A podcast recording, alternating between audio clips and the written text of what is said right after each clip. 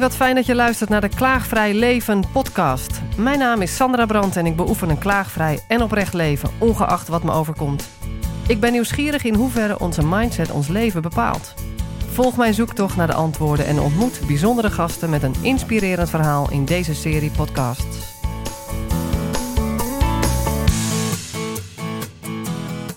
Anke Weber-Smit. En je kunt me altijd wakker maken voor iets samen te doen in de natuur. Anke, welkom. Welkom, hallo. Iets samen doen in de natuur, daar zou ik jou voor wakker kunnen maken.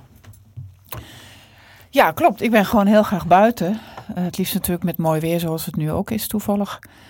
Maar uh, ik hou van de natuur. Het geeft me gewoon heel veel. Ik heb dan ook twintig jaar uh, als ecoloog mogen werken. Oh, wauw. Wat doet een ecoloog? Een ecoloog die bestudeert het ecosysteem. En dat betekent eigenlijk de, de samenwerking tussen alles wat in de natuur is. Daar horen wij ook bij trouwens. Mm -hmm. Hoe het elkaar en beïnvloedt. om, om het concreter te maken, wat bestudeerde jij? Ik zat aan de, aan de waterkant, dus ik uh, bestudeerde de verswater, zoetwater-ecosystemen, alles wat erin leeft en hoe het zit. En, en ook zoutwater.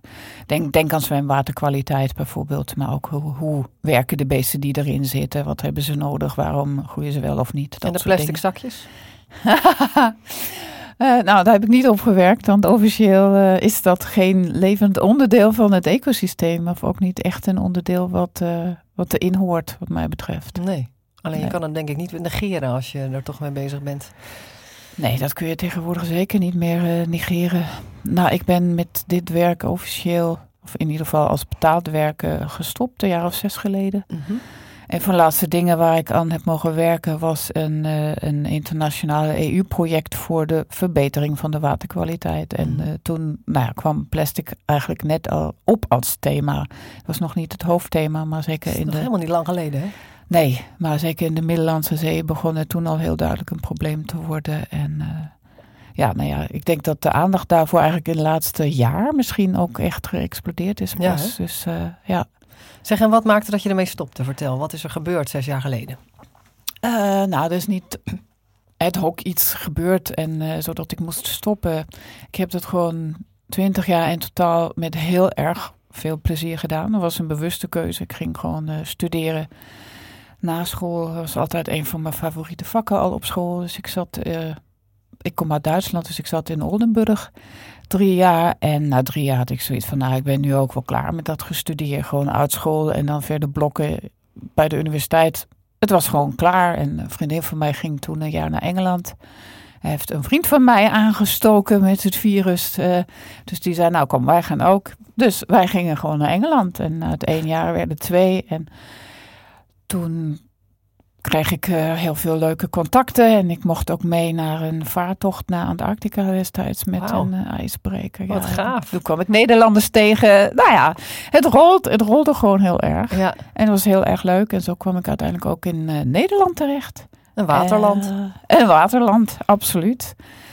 En ik kwam een man tegen op het werk, ook weer zoals het gaat. En we kregen kinderen, dat gebeurt dan ook. En zo rolde je erin en bleef je in Nederland. Precies, zo, Ja. zo bleef ik in Nederland en het was ook heel erg leuk. We woonden in Den Helder in die tijd en ik kreeg eh, werk bij de Waddenvereniging. Dus eigenlijk zo'n beetje de eerste stap weg uit het echte onderzoek naar eh, ja, toepassen daarvan naar de natuurbescherming.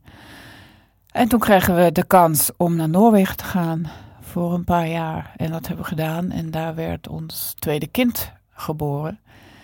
Nou ja, en die geboortes van die kinderen, die hebben heel veel met mij gedaan. Ik was ervoor zeer actief, nou sportief, maar ook in het werk met reizen en congressen en zoals het gaat van het ene land naar het ander. En door die kinderen had ik daar niet meer zoveel zin in. Of het werd een soort spagaat. Ook lang weg te zijn. Dus ik weet niet of dat die mama-hormonen zijn of de navelstreng is te kort of zo. Geen idee. Dus ik vond het steeds minder leuk, dat uh, werk wat ook veel achter de computer is. En rapporten schrijven, publicaties schrijven. Is ook best veel ellebogen en lobbywerk Mhm. eh, om het geld. Hè, volgende project gefinancierd te krijgen en zo. Ook bij de ecologie. Absoluut. Ja, ook want als je te, te kritisch bent, nou ja, dan komt de. Komt er geen geld binnen? Ja, ik durf het ja. bijna niet te zeggen. Maar het is natuurlijk zo, de financiering is vaak ook van de multinationals. En Ja. Dus daar moest je wel een beetje politiek uh, slim mee omgaan. Ja, dat, dat zeg je heel mooi. Maar goed, ik, ik had het gewoon ook heel lang gedaan. En die kinderen werden steeds belangrijker. En eigenlijk ook dat ik dat uh, interactieve met mensen steeds leuker vond. Ik was vertrouwenspersoon geworden. Ik had studenten, ik had AJO's. Ik vond dat eigenlijk steeds leuker. Dus ik ben. Je kreeg een beetje een andere move eigenlijk door de kinderen. Precies. Het was toch meer zo van, nou ja, waar gaat het me eigenlijk om? En niet dat ik daarvoor een verkeerde keuze heb gemaakt. Dat heb ik ook een tijdje zitten denken. Mhm. Maar het was gewoon een andere tijd. Ik was ouder, ik was wijzer. Ik was toe aan iets anders ook. Heel duidelijk. Anke, ehm, jij ging even een hele andere move maken, omdat je ging nadenken waar gaat het eigenlijk echt om. Dat hoor je wel vaker, hè? heb ik ook meegemaakt. Tegen de tijd dat je kinderen krijgt, uh, word je toch even weer stilgezet van wat is nou echt belangrijk. Ja. Um, de afgelopen zes jaar, wat is daar veranderd? Wat is daar gebeurd? Ja, dat begon eigenlijk al toen we nog in Noorwegen zaten, Sandra. Want ik werkte toen, uh, ik had toen een baan gevonden voor drie dagen. nou, perfect. Ik had een man die veel reist, twee kleine kinderen die wakker worden s'nachts. Iedereen die kinderen heeft die wakker worden s'nachts, die weet hoe dat voelt. En ik ging dus een, uh, ik dacht, nou, ik wil wat anders gewoon. En dat, uh, dat de jongste twee was, kwam er weer wat ruimte voor. Dus ik ging in eerste instantie een opleiding doen in Reconnective Healing. Iets totaal anders. Uh, de meeste mensen vinden dat zweverig. Dat was in Noorwegen een stuk minder dan, uh, dan hier. En in Duitsland moet ik zeggen.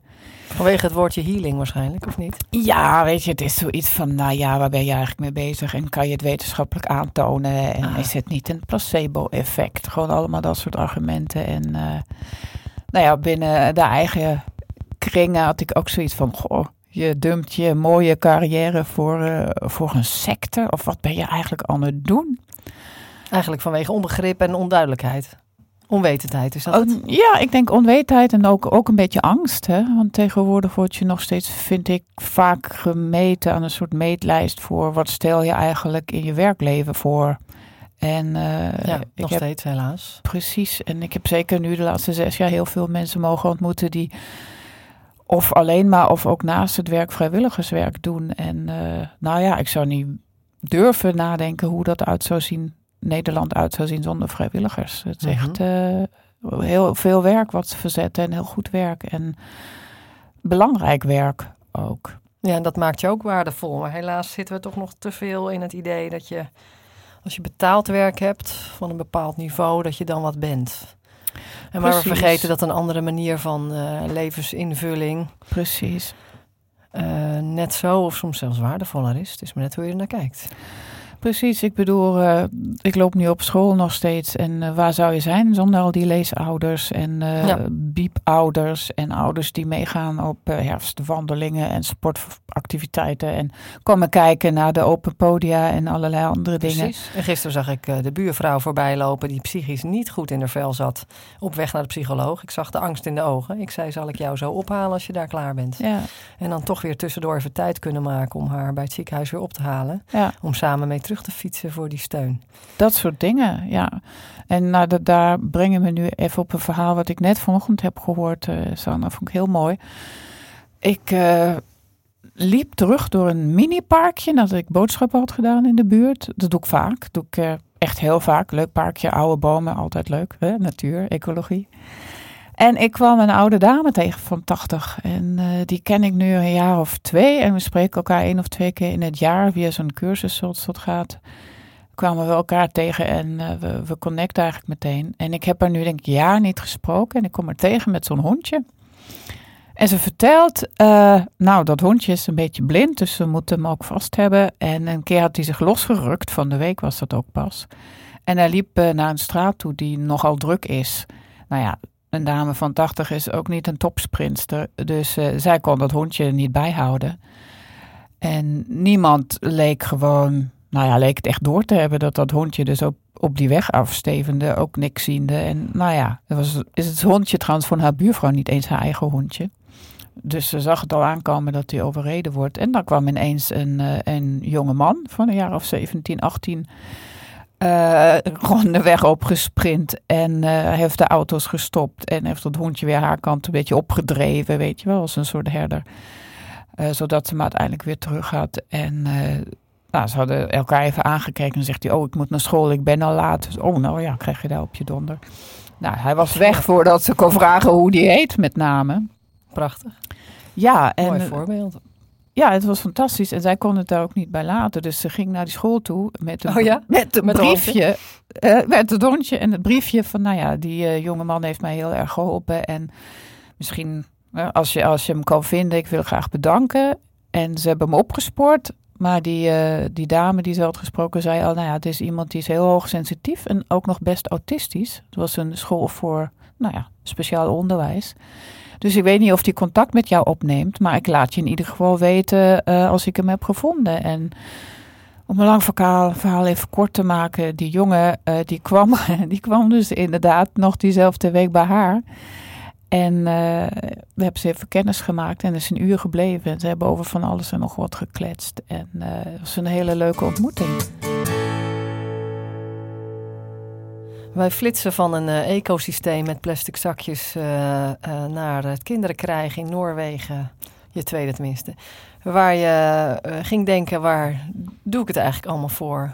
Richting een opleiding Reconnective Healing, waarbij je je netwerk dacht, waar ben je mee bezig? wat is het? wat een vage doel. Is dit een secte? Vanuit angst waarschijnlijk, onwetendheid naar een prachtig verhaal van een mevrouw in het park met een hondje die slechtziend of blind was. En op de auto's afstevende, waar een jongeman van 17 zorgde dat dat weer goed kwam. Uh, op een speciaal onderwijs zit, uh, autistisch en, uh, en hoogsensitief. Um, en uiteindelijk wel bij die vrouw terecht kwam, ook al zeiden ze op school, die neemt waarschijnlijk geen contact op. En een uur lang over van alles hebben gesproken. Uh, nou weet ik dat je hier zit vanuit een bepaald thema wat we zouden aanspreken. Volgens mij komen we daar nu op. Uh, ja, dat klopt helemaal. Uh, het thema is eigenlijk dat ik, om, ja, kort door de bocht, ik ben uit de wetenschap gestapt omdat ik wat meer wilde werken en betekenen voor mensen. Want ik ben ervan overtuigd dat je door mensen in hun kracht te zetten, of eigenlijk dat is, dat is niet wat ik wil doen. Ik wil mensen helpen zichzelf in hun eigen kracht te zetten. Gewoon hulp tot zelfhulp. Dat je daarmee uh, de wereld echt gewoon een stuk mooier kunt maken. Als, als iedereen weet wie die zelf is en daarmee tevreden kan zijn. En los vanuit welke functie je hebt of wat voor werk. Absoluut los van wat voor werk, waar je vandaan komt. Natuurlijk huidskleur en uh, seksen en dat soort dingen allemaal inkomen. Gewoon los daarvan dat je als je tevreden bent met jezelf, dat je dan ook een andere uitstraling hebt voor de wereld, voor je omgeving. Je kan inspireren, je, je consumeert vaak minder. Nou ja, dat komt allemaal ook je weer. Consumeert, consumeert minder, consumindert. Consumindert. Als je meer van jezelf houdt, vertel eens. Ja, dat, uh, dat denk ik zeker. Want uh, wat ik om me heen zie, gewoon als je tevreden bent, nou ja, dan hoef je niet per se elke week nieuwe kleren, om maar even iets te noemen. Of, of je hoeft niet de hipste mobiel te hebben. Of je hoeft ook niet uh, 1, 2, 3, 5 keer per jaar naar de Bahamas te vliegen. Dan kan je weer op die goedkope vliegreizen. Uh, om, om gewoon te weten wat je waard bent. En dus bedoel je eigenlijk te zeggen, als je tevreden bent met jezelf, hoef je niet per se uh, van allerlei um, vernuftige vernieuwendheden voor de fijne prikkels te krijgen, zeg maar. Ja, ik denk dat je dan van binnenuit die fijne prikkels zelf al krijgt. En dan hoef je ze niet minder van buitenaf. Het blijft natuurlijk leuk. Ik eet chocola als ik niet tevreden ben. Op een dag. Ongelukkig voel over mezelf of zo. Uh, ja, als nou, er chocola in huis is, als hij niet de dag ervoor al opgegaan is. Maar nou, dat is natuurlijk ook zoiets. Dan zoek ik ook de prikkel buiten mezelf. Dat is wat je bedoelt, toch? Ja, maar die ja. prikkel die, die neem je dan nog op in jezelf, zeg maar. En ja. chocola heeft natuurlijk ook van die, uh, van die stofjes waar je blij van wordt. Ja. Um, ja, nou, dat valt voor mij niet echt onder consumeren. Want ik ken wel meer mensen die chocola eten. Dat weet je ook wel, dan ben je niet de enigste. Maar het is met name dat, dat gewoon twee, 200 outfits hebben en niet weten wat je aan moet trekken. Dit, hoe, hoe je je presenteert naar buiten toe ook, hè? Mooi. Dus dat heeft ook te maken met kleding, wat je koopt, allemaal aan spullen. Ja, hoe je je presenteert naar buiten. Precies. Spullen presenteren naar buiten de manier waarop je praat. Hè. Gewoon mm -hmm. als je dat. -hmm. Nou goed, mijn wetenschappelijke achtergrond, ik test nog steeds graag dingen. Dus, ja, vertel.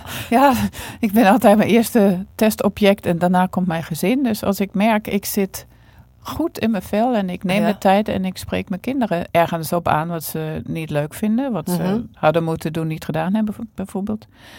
En ik doe dat vanuit een rust en vanuit een Mhm. beetje nieuwsgierigheid van waarom, Mhm. maar je komt er ook niet meer weg idee. Dan reageren ze. Ja. Dan is het vaak zo, nou ja, oké, ik doe het wel en prima en kan ik nog iets doen. Terwijl als ik denk, oh, dit is de 2000ste keer. Ik heb het zo vaak gezegd, mijn hoofd staat er nu niet naar. Waarom heb je het niet gedaan? Bij wijze van spreken. Nou, dan eh, is de Vlam in de pan. verpest. Ja, vlam in de pan, sfeer verpest. ja. Iedereen dus vanuit moet weer- welke energie praat je tegen de ander?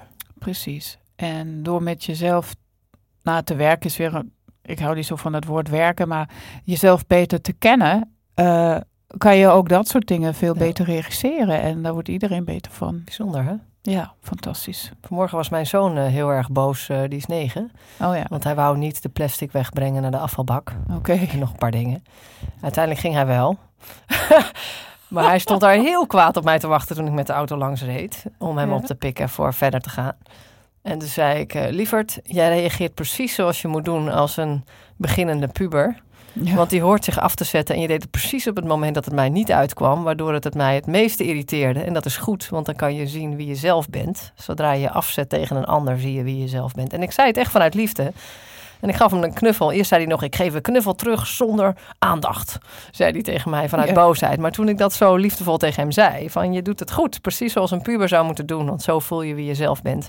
Kon hij het wel aannemen, die knuffel uiteindelijk van mij, merkte ik. Dus, maar dat was wel omdat ik het ook liefdevol vanuit werkelijke connectie met hem kon zeggen. Want dit had ik ook heel cynisch kunnen zeggen. Hè? Je kan ook heel cynisch zeggen van, je doet precies wat een puber hoort te doen en zo. Hè?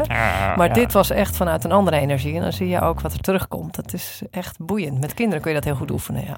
Ja, dat zijn de beste, de beste spiegels. Maar het Ja. werkt natuurlijk met iedereen zo. Hè? Ik heb ook ooit gelezen dat mensen, als het te vaak gebeurd is, te veel is, dat ze eerst ironisch worden Oh ja? en dat ze daarna cynisch worden. Zeg Als er maar. wat te veel gebeurd is? Iets wat ze niet aanstaat, waar ze denken dat ze niks tegen kunnen doen, dat het gewoon Ja.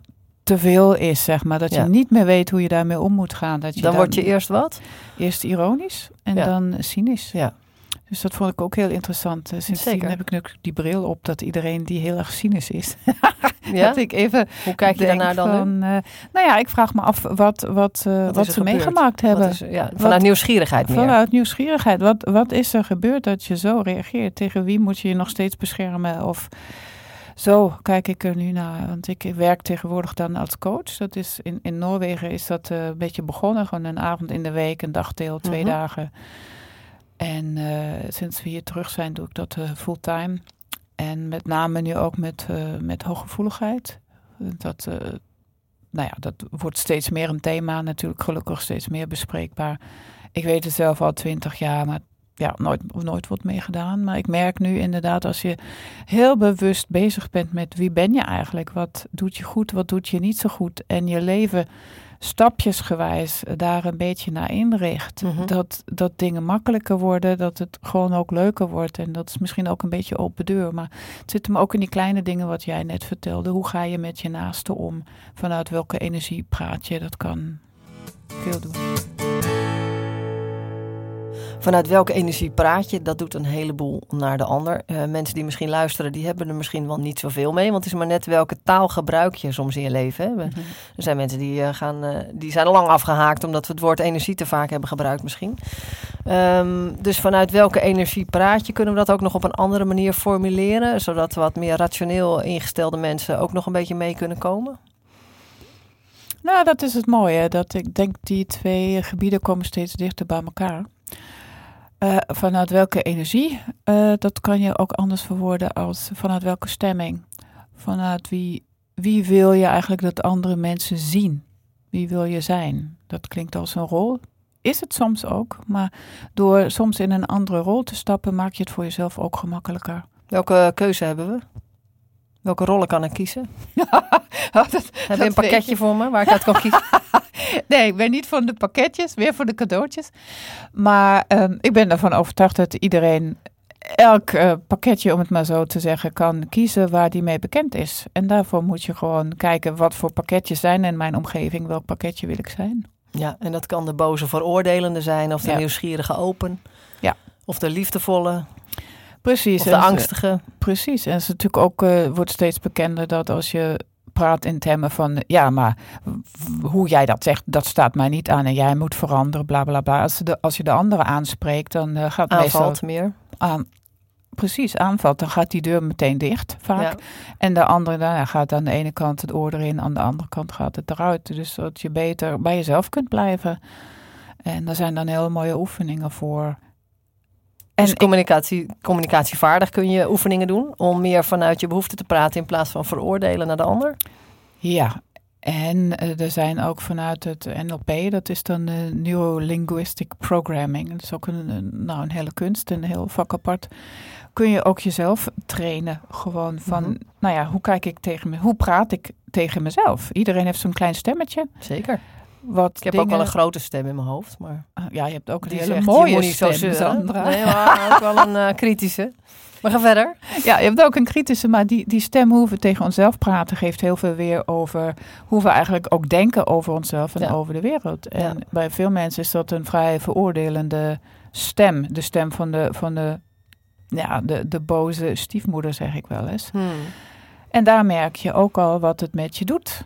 En als je dat gewoon één op één doorgeeft aan je kinderen, nou, dan krijgen die ook zo'n stem. Dus ik denk dat je, dat je allerlei dingen kan uitproberen. En als je het ziet wat je leuk vindt, probeer het gewoon uit. Nou, kan ik in zo'n rol stappen, ja. Ja, dus kijk, een beetje spelen eigenlijk. Kijken wat je leuk vindt, zeg je ook. Welke stem in mijn hoofd vind ik leuk om dus te gebruiken? Ja, nou Begin weet je... om te lachen, want het is net alsof je helemaal geen keuze hebt. Want het is nou eenmaal zo, maar dat is niet waar. Hè? Je nee, kan helemaal zelf... niet. En, en, en waar kies jij voor? Ik probeer, ik probeer altijd te kiezen voor de stem van denk in kansen, denk niet in uh, nou ja, goed of kwaad. Het lukt steeds vaker, moet ik zeggen. Denk in kansen in plaats van in goed en kwaad. Ja. Dus in, in plaats van het veroordelen, denk in kansen. Ja. Ja.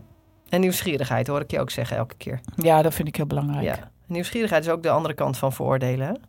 Want veroordelen is oh, zwart-wit. Kiezen, ja. kies het is fout, het is goed. Ja. als je oordeel uitstelt, wat blijft over? Nieuwsgierigheid. Ja, nou, mooi gezegd. Ja, even het kort door de bocht. Ja, helemaal gezegd. ja.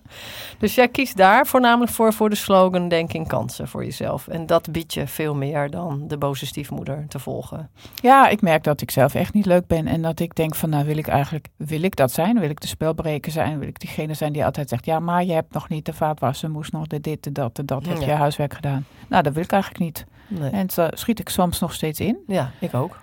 Ja, helaas. Ik denk dat heel veel ouders dat ook herkennen. Of ook, uh, en ook frustrerend. Ik denk dat dat de ouders ook heel veel herkennen.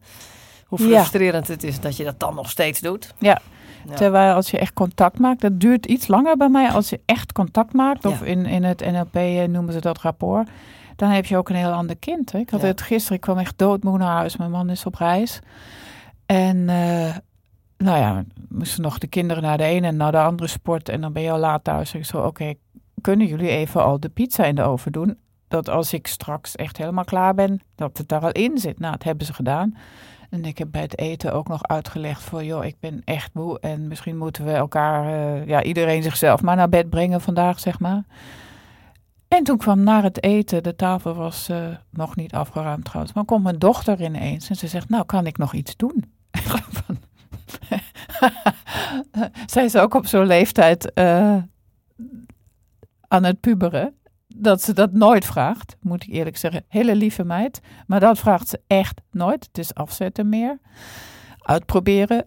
En ik kijk daar aan en ik zeg, nou wat ontzettend leuk dat je dat vraagt. Nou, en hoe kon dat, dat dat was? Wat had jij anders gedaan? Ik denk dat ik heel erg uh, eerlijk heb laten zien hoe mooi ik was. Ik heb ook nog een keer benoemd wat ik allemaal gedaan heb die dag. Ook, ook voor de kinderen. Want ik zeg met het sporten, zorgen dat er wel al eten is en zo. En dat ook aangeven van, goh, uh, ik zie dat ook even niet zitten om jullie ook nog uh, uitgebreid naar bed te brengen. Niet vanuit dat ik, dat ik de liefde er niet voor heb, maar ik uh, kon het gewoon even niet opbrengen. Uiteindelijk heb ik ze wel natuurlijk nog toegestopt, maar dat was van haar zo'n mooie reactie. dat, dat ze er meteen weer energie van kreeg. Ja, precies. Ja. Ik kreeg een stralende lach op mijn gezicht. En dat is wat er gebeurt als je het echt vanuit jezelf doet. Hè? Ik had ook weer in die kankerrol kunnen schieten. Nou ja, dan was ze zo weg geweest. Ja. En terecht misschien. Ja. Dus vanuit welke rol wil je in het leven staan? Ook als je even compleet afgedraaid bent. Hoe wil je dan zijn? Ja. Maar ook hoe zorg je voor jezelf, hè? Hoe zorg je voor jezelf? Dat, dat is ook een keuze. Ja, en uh, dat is een keuze die we helaas, uh, tenminste ja, onze generatie, niet meegekregen hebben. Gewoon, Heb je daar ideeën of tips of eh, Mm, voor luisteraars? Hoe zorg je voor jezelf? Ik denk dat het toch met name voor vrouwen is het helaas nog steeds zo die zeer weinig tijd voor zichzelf nemen. Dat het eh, echt altijd nog tot multitasking is tussen ja, klassieke rol de was en het werk. Want iedereen werkt natuurlijk in ieder geval ook de hele tijd eh, tegenwoordig. En de kinderen en de sport van de kinderen. En dat je dan echt tijd neemt, liefst elke week of nog liever elke dag even voor jezelf. Dat Mhm. zit er nog niet in. En dat geldt waarschijnlijk ook voor mannen hoor. Dat denk zie ik het, ook. eh, Ja, ik zie het bij heel veel mensen. want ook die moeten multitasken. Precies, maar dat die verplichting van werk eerst en het gezin dan. En ergens op plaats nummer 10 naar alles wat hè, Ja. grootouders, schoonouders Waar kom bellen. je zelf nog? Waar kom je zelf? Ja. Oké, tijd voor jezelf. Dat is de kunst. Elke dag Yes. eventjes een momentje eh, alleen voor jou. Dat doen we eigenlijk te weinig. Ehm, stel je hebt een momentje voor jou en jij luistert naar jouw eh, favoriete nummer. Welk nummer is dat? Nou, ik heb, eh, ik heb er verschillende. Eentje is zeker You Don't Have to Wear Your Best Fake Smile. Vind ik Mhm. een geweldig nummer. Dat klinkt wel als doe niet de hele tijd die glimlach op je gezicht. Precies, vooral als het fake is. Je kan natuurlijk blijven glimlachen, maar als het fake is, dan, dan houdt het op. Hè. De Dalai Lama glimlacht ook altijd, maar ik heb hem nog nooit, tenminste op een foto, nog nooit fake zien glimlachen. Dus eh, ja, vind ik een geweldig nummer. Ja, en eh, wat zegt dat jou van die fake smile? Dat heel veel mensen nog steeds een, een masker dragen. Eigenlijk. Dat het nog steeds dat masker is. Misschien omdat ze denken, nou ik moet door. Of als ik er niet vriendelijk eruit zie, word ik niet geaccepteerd. Of heb ik minder kansen. Of word ik eerlijk gevraagd over hoe het met me gaat. En dan stort ik in. Dat soort mensen heb je ook. Hè. Dan eh, breekt, eh, breekt de muur. En Want we vinden het moeilijk om te zeggen hoe het echt met ons gaat als we niet vrolijk zijn, zeg je. Ja, dat is de ervaring. Ja. Ja. Hey, en die hooggevoeligheid, dat is, wat is dat? Nou, hooggevoeligheid is een eh, karaktereigenschap waar steeds meer over bekend wordt. We hebben toevallig eh, net eh, begin november een congres erover gehad met Mhm. experts ook. Het is een deel wetenschappelijk verklaarbaar ondertussen. Het is, Gelukkig. Voor jou als wetenschapper, ex-wetenschapper? ja, precies. Nou ja, ik, ik denk dat de wetenschap altijd sowieso. Dat is een ander verhaal eigenlijk, Sandra. De wetenschap kan nog niet alles bewijzen, omdat we steeds betere apparatuur krijgen die weer steeds andere dingen kan meten. Mhm. Dus eh, als je, ja, Copernicus, die had bedacht dat de aarde rond moest zijn. Die werd ook uitgelachen eeuwenlang misschien. Ja, ja, En nu ja, wordt iedereen uitgelachen die andere dingen denkt. ja. Dus dat, Ja. dat gaat altijd hand in hand. Eh, maar met dat hooggevoelige, nou, het is dus een karaktereigenschap. En eh, er werd heel lang, eigenlijk sinds 96, sinds het bekend is geworden door een eh, Amerikaanse psycholoog. Dat het, dat het iets is wat, wat aangeboren is en dat het ongeveer 15 tot 20 procent van de bevolking hooggevoelig zijn. Mhm. Dat is best een groot deel. Dus zo- zoiets van de vijf grootste steden van Nederland, zeg maar, twee spelers per elftal. Zoiets per schoolklas, vijf à zes kinderen. En de, de meningen gaan nu daar naartoe dat wel 20% heel erg hooggevoelig is. Denk daarbij aan, eh, er komen heel veel prikkels binnen. Hè. De, de, alle zinsorganen staan heel erg open. Er komen non-verbale dingen binnen. Ze nemen details op in hun omgeving. Dat wordt allemaal met elkaar vergeleken en in verbanden gebracht. eh, dus je raakt ook snel overprikkeld als je hooggevoelig bent. En je bent een kei in verbanden leggen. Je bent een kei in verbanden leggen, daardoor dus vaak En opmerkzaamheid. opmerkzaamheid heel creatief. kwaliteiten. Ja, en je neemt ook meestal heel goed waar eh, hoe het met de mensen om je heen gaat. Ja. En als je pech hebt, Sociaal neem je- intelligent. sociaal intelligent. Als je pech hebt, neem je dat over. En Ja. dan, eh, nou ja, dat is natuurlijk niet altijd even leuk. Denk aan die Mhm. mensen die een vrolijk masker dragen, terwijl het van binnen er heel triest uitziet. Als je dat opmerkt, dan eh, voel je dat ook. Ja, en sommigen kunnen zelfs ook aanvoelen als mensen ziek zijn, dat soort dingen.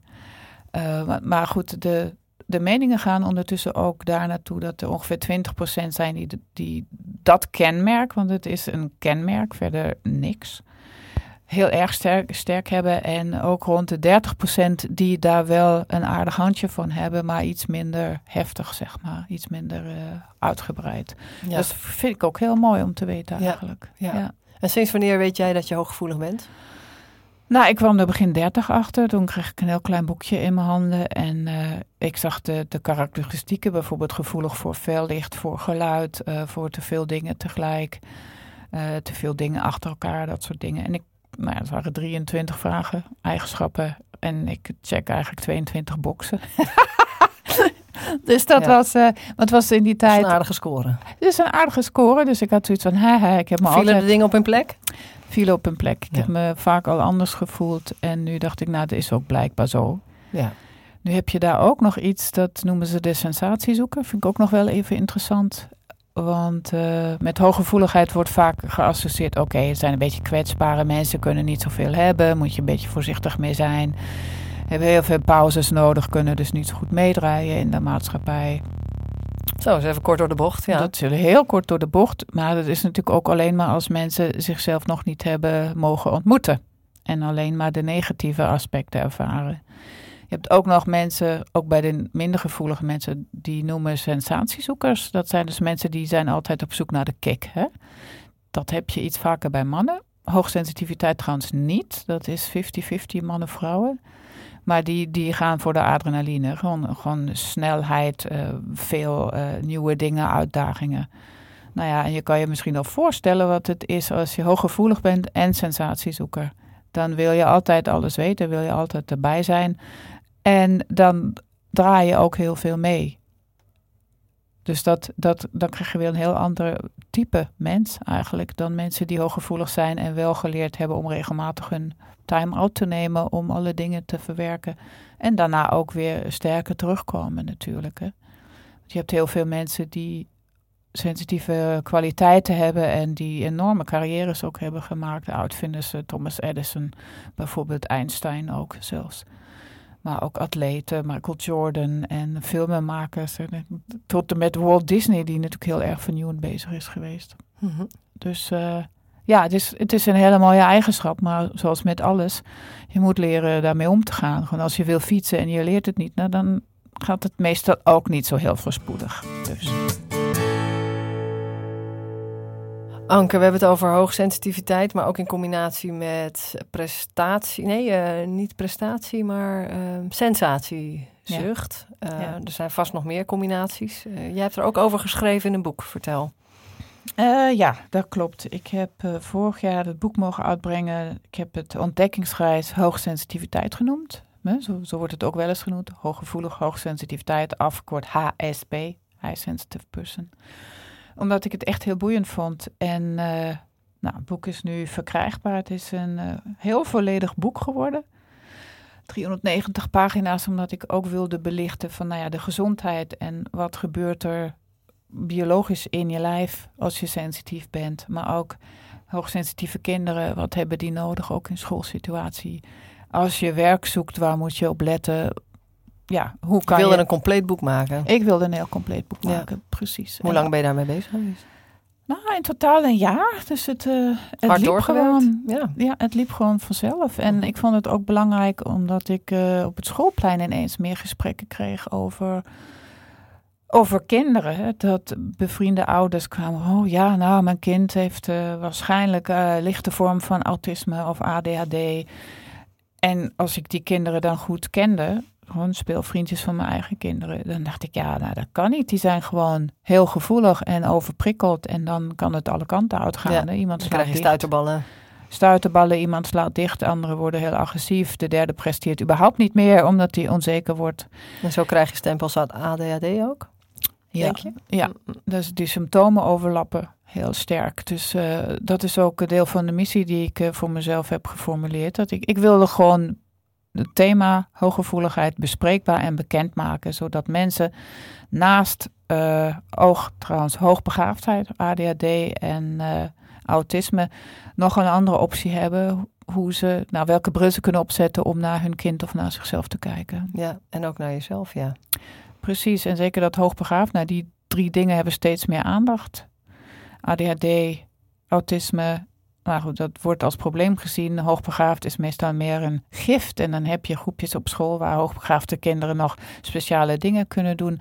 Wat de meeste mensen niet weten, is dat eigenlijk uh, ervan uitgegaan wordt dat alle hoogbegaafde mensen ook hooggevoelig zijn.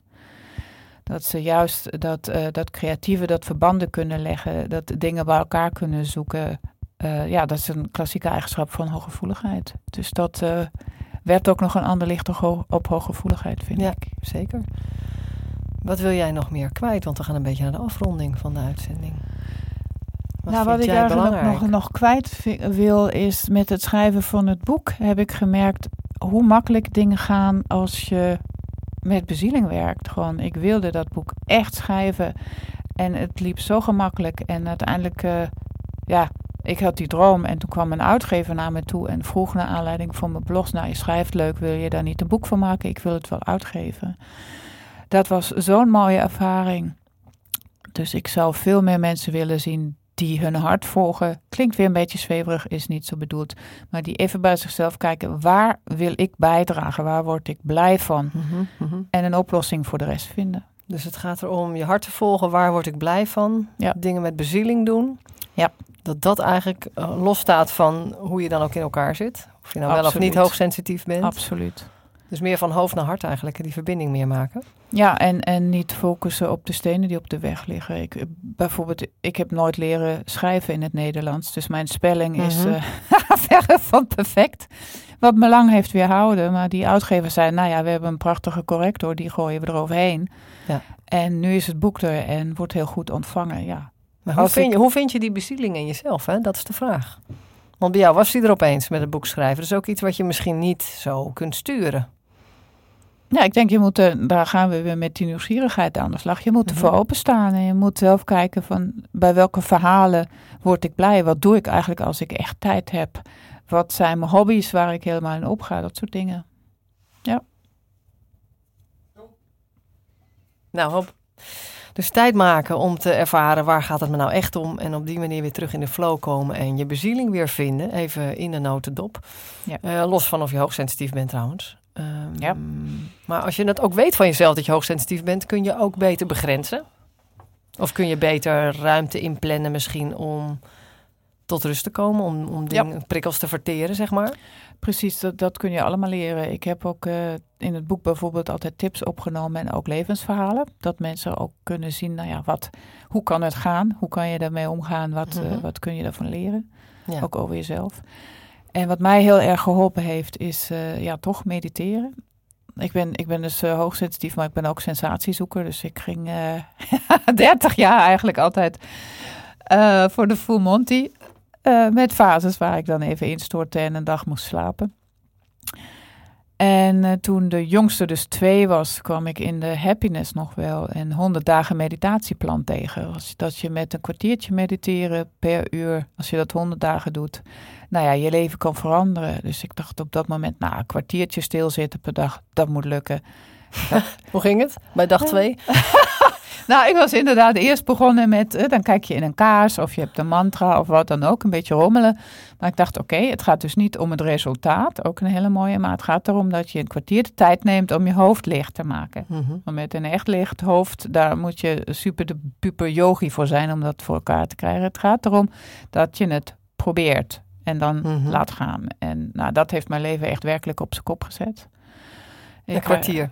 Een kwartier. Echt Iedere dag? Veel. Ik heb het 233 dagen volgehouden. Meen je dat? Het was zo fantastisch. Ja. Bijzonder. Knap. Ja, en ik had altijd dezelfde bank waar ik dan op ging. Of zitten of liggen of wat dan ook. En toen begonnen ook uh, nou ja, beelden te komen van mensen, kinderen Waar ik dan dacht, wat is dit nou? Dus ik kreeg op een hele andere manier contact met mensen en informatie over mensen. En dat heeft mij dan weer getriggerd. Als, uh, Toch als onderzoeker, dat nieuwsgierige weer, wat moet ik ermee? Ja. Dus ik ging met mijn mentor praten en zei zo, nou vraag dan even, als je die beeld hebt, vraag die personen even in je gedachten wat ze willen. En zo heb ik een aantal uh, cases gehad. Nou, echt heel boeiend. Gewoon over, Vertel eens, uh, kan je een voorbeeld geven? Nou, de eerste hele duidelijke was een meisje van toen drie, van vrienden van ons, een dochtertje. Die bleef maar in mijn hoofd rondspoken. En ik dacht, wat is er nou? Ik wist de moeder, die was, uh, was gewoon op cursus, die was weg. De vader was alleen met hun.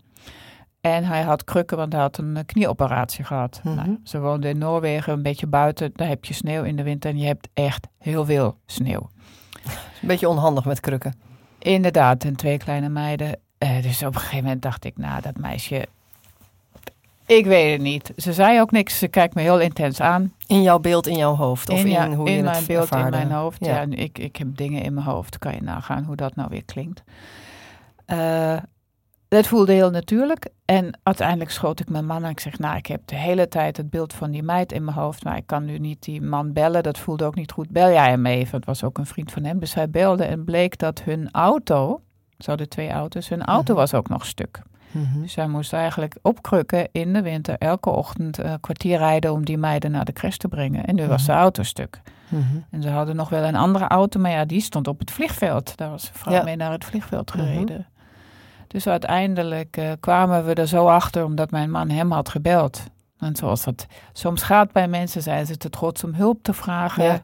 Hè, willen ze niet eh, zwak gezien worden of lastig Schaamte, zijn of wat dan ja. ook. Dus uiteindelijk hebben die mannen samen de andere auto van het vliegveld opgehaald. Die meteen de volgende ochtend.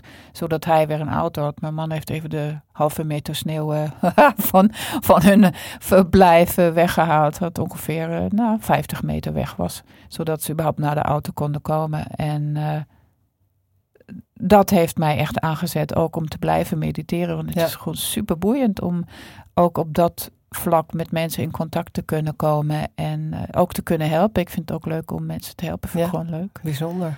Wauw. Ja, Dus en- mediteren, daar ben je wel heel erg voor. ik ben er heel erg Dat voor. zou je ieder aanraden. Ja. En je had iets nog gelezen, hoorde ik jou eh, nog zeggen voor de uitzending. Precies, en dan heb ik toevallig vandaag ook weer voor de uitzending zo'n eh, uitspraak van de Dalai Lama gelezen. Die zegt, als we elk kind, elk achtjarige kind zouden leren mediteren, dan Mhm. zouden we binnen één generatie het geweld op de wereld hebben ja, uitgebannen of Mhm. verwijderd. En dat vond ik ook weer zo sterk, want ook daar zijn studies voor wat meditatie doet met je. Niet alleen met jezelf, met je hele omgeving. Mhm. Dus toen dacht ik ook weer, wauw, er zijn zoveel spannende mogelijkheden tegenwoordig. Ja. We leven in een leuke tijd, toch wel. Fijn, dat is wel bemoedigend dat je dat zegt. hey, waar kunnen mensen jou vinden als ze jou willen opsnorren? Wat is je Eh, website? nou, het makkelijkste is de website. Dat is uh, www.ankewebersmit.com. Ik ben ook op LinkedIn en op Facebook. Dus uh, ja, fijn, kom maar in de lucht. en je boek verder. Ontdekkingsreis Hoogsensitiviteit bij bol.com? Bol.com of via mij of via de uitgever. Google maar. En dan signeer, jij hem nog eventjes. Ik wil hem best signeren en je opsturen. jou hoor, heel graag. Dankjewel Anke voor je komst.